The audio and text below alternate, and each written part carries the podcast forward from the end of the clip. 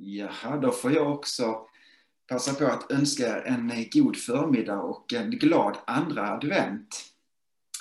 Eh, det är ju så här att eh, vi nu har fått tända vårt andra ljus. Och den här söndagen, det här året, så har vi valt att kalla det andra ljuset för, för tröstens ljus. Och visst är det väl så att det där skänker oss tröst. Det som kyrkorna runt om i vår värld och i vårt land idag faktiskt proklamerar och slår fast än en gång. Nämligen detta att Guds rike är nära. Vi har ju hälsningar genom hela bibelordet och profeterna i Gamla Testamentet som pekar fram på Jesus Kristus. Och så har vi den där rösten som blir så tydlig Eh, precis innan Jesus stiger ut i sin säga, offentliga verksamhet. Johannes döparen, också profetrösten, som kommer just med den där hälsningen. Omvänd er, himmelriket är nära. Och så börjar Jesus undervisa, han slår följe med sina lärjungar och han får möta många människor med den här hälsningen som är en hälsning inte bara till dem som han mötte då, utan som är en hälsning till hela mänskligheten. Och därför också en hälsning till dig och till mig idag, 2020. Och Jesus han, han säger detta att jag har kommit för att visa vägen tillbaka till Gud. Och han sträcker sig också så långt han säger, jag är den där vägen. Jag är vägen, sanningen och livet som för dig hem igen. Och så säger han också till dig och mig att du och jag, vi har fått rätten att i tron på honom inte bara vara gäster eller tjänare i hans rike, utan vi har fått söners och döttrars rätt. Och också detta att vi är ärvtagare i Guds rike. Vid ett tillfälle så, så kommer det en lärd man en farisé som sitter med i judarna, alltså i det stora rådet och är eh, en del av ska säga, den religiösa eliten i Jerusalem vid den här tiden. En man som har börjat ana att Jesu undervisning och eh, hans liv verkligen på något sätt pekar på att han är sänd ifrån Gud själv. Och den här mannen söker upp Jesus i skydd av vad ska jag säga, nattens eh, mörker. Och så får han stå där ansikte mot ansikte med Jesus och ställa sina frågor. Vem är du? Vad är, vad är det som, som du har för hälsning? Vad är det för hälsning du har till mig och till världen? Han är nyfiken, han vill veta mer. Vem är denna mannen? Och så säger Jesus något egentligen rätt märkligt till Nikodemus. Sannoliken, den som inte blir född på nytt kan inte se Guds rike. Den som inte är född på nytt kan inte se Guds rike. Nikodemus förstår inte riktigt vad Jesus han pratar om. Men i detta så kan man ju också börja fundera på vad är Guds rike? Och var är Guds rike? Förra helgen så la jag och min kära hustru ett, ett pussel, ett Sverigepussel.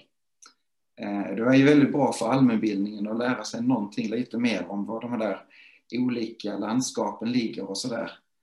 Eh, men när vi också lägger det här pusslet så är det en speciell linje som faktiskt också är en hjälp att hitta rätt i de här pusselbitarna nämligen den där röda linjen. Markeringen som, som avgränsar Svea rike, Sveriges liksom land i förhållande till våra grannländer. De där eh, röda linjerna, vi har ju dem överallt i, i vår kartbok som markerar detta riket är avgränsat i förhållande till andra riken. Ofta så är det ju rätt så naturliga liksom, i naturen avgränsade områden. En bergskedja, en kustremsa eller ett vattendrag eller något annat. Men det är inte alltid så. Tittar vi på stora delar av Afrika så är det raka linjer. Markerade av människohand. En general eller en, en erövrare som bara bestämmer.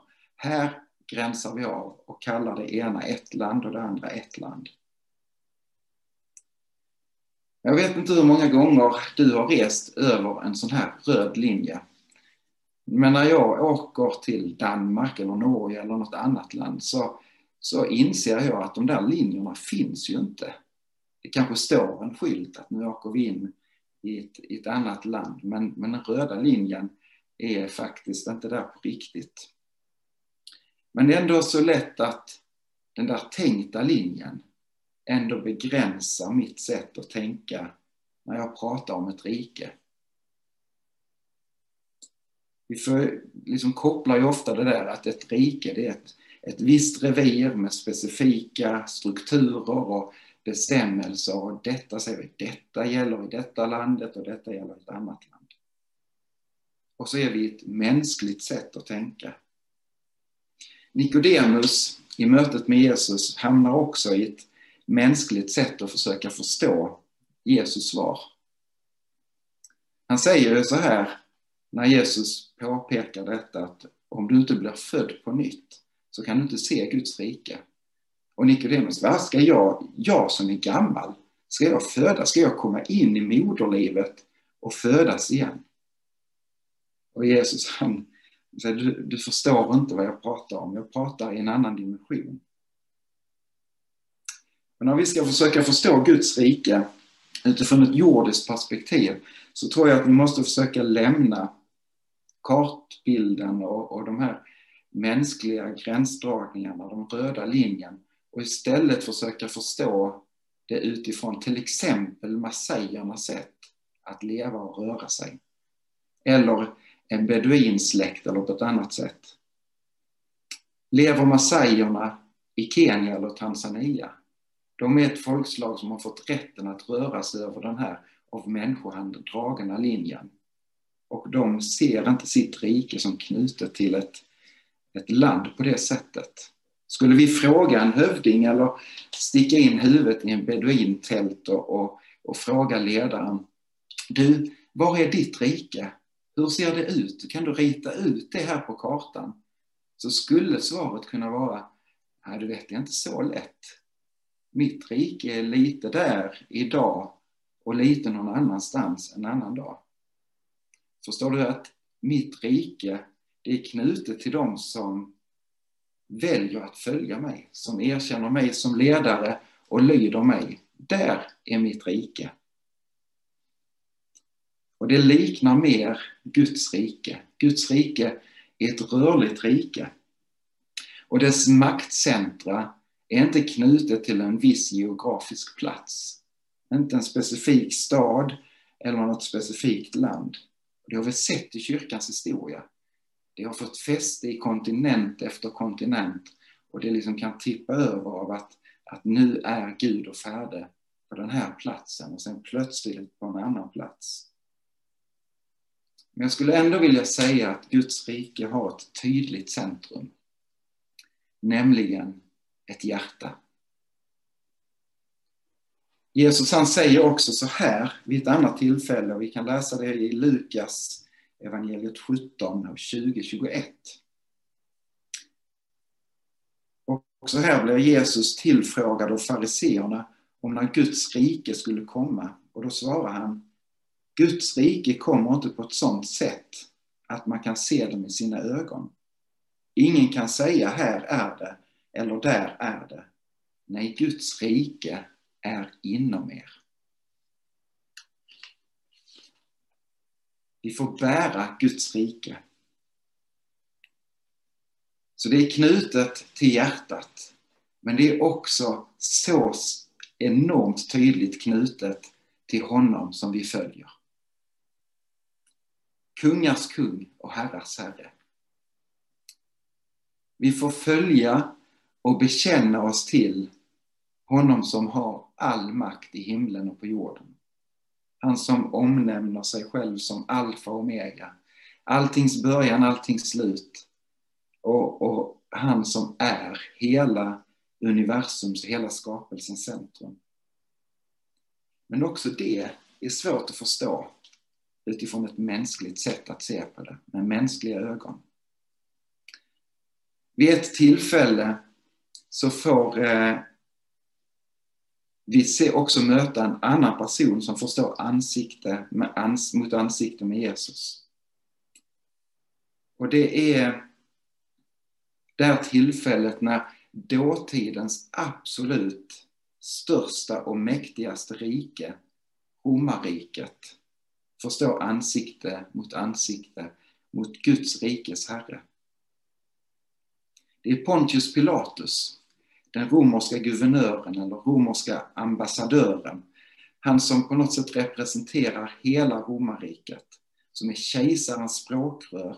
Han har hela krigsmakten bakom sig, väl utrustad med vapen och, och på andra sätt maktens språk.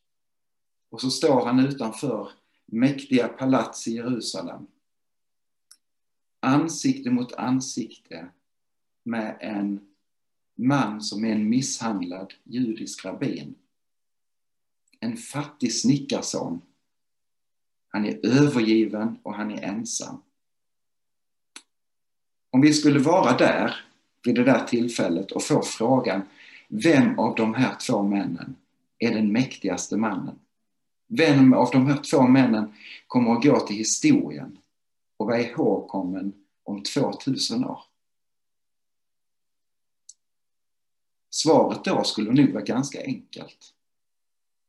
Och vi kommer ju visserligen ihåg Pontius Pilatus, men hur många andra guvernörer i romarriket känner du till från den här tiden? Förmodligen inte en enda. Och Pontius Pilatus skulle inte heller vara ihågkommen om inte det hade varit för just detta att han hade fått stå ansikte mot ansikte med den riktiga kungen, med den mäktigaste kungen. I det här mötet så ställer också eller precis som Nikodemus ställde en fråga så ställer också Pilatus sina frågor. Och han frågar, är du judarnas konung? Och då kommer Jesus med svaret, mitt rike hör inte till den här världen.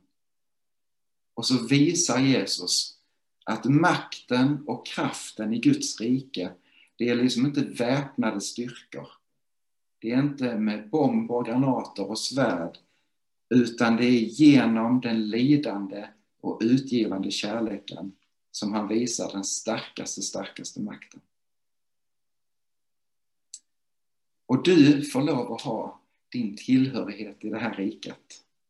Du får ha rättigheten att vara en arvtagare utifrån barnaskapets gåva.